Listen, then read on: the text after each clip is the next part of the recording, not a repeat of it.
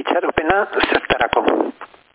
John Hopkins Unibertsitatea Baltimoren dago, Amerikako estatu batuetan. Hogeigarren mendean, Richard izeneko psikologoak bertan egiten zuen lan, eta batzuetan esperimento nahiko krudelak ere egiten zituen. Garatu zuen ikarketa batean, urez erdizka betetako ontsi handi itxietan sartzen zituen arratoiak. Bertan bizi dauteko igeri egin behar zuten, etengabe. Batzuek egunak ematen zituzten igerian, baina beste batzuek minutu batzuen buruan itotzen ziren. Hasierako hipotesiak estresaren eraginari leporatu zion eriotz goiztiar hoien eratzukizuna, baina bere alabaztertu zuen.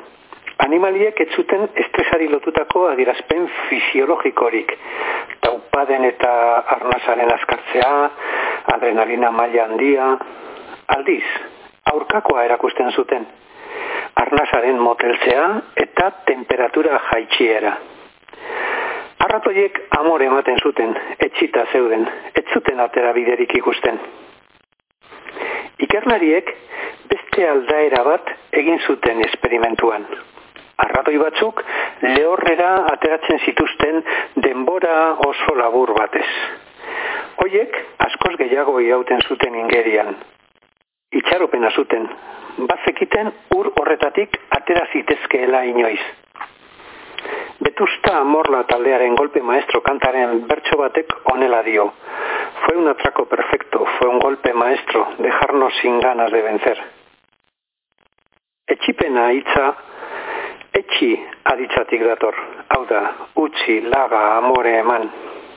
Horregatik, edozein lehiatan, irabesteko asmotan helburuetako bat aurkakoak itxaropena galtzea da.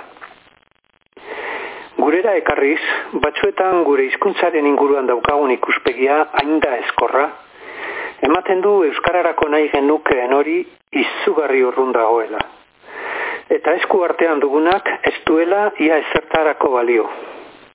Adibide oso erabilia hartuta, badakit Euskararen kontuan botila ez dagoela beteta, inondik inora, baina zintzoki onartu beharko dugu utxik ere ez dagoela. Ondorioak atera ditzakegu. Etxipenak eta dirazpen ilunek edozein asmoren etxai arriskutsuak dira, baita Euskal Zaleon proiektuena. Salbo dezagun hizkuntza ekiten noski, baina irribarrez, itxaropenez aurrera begira.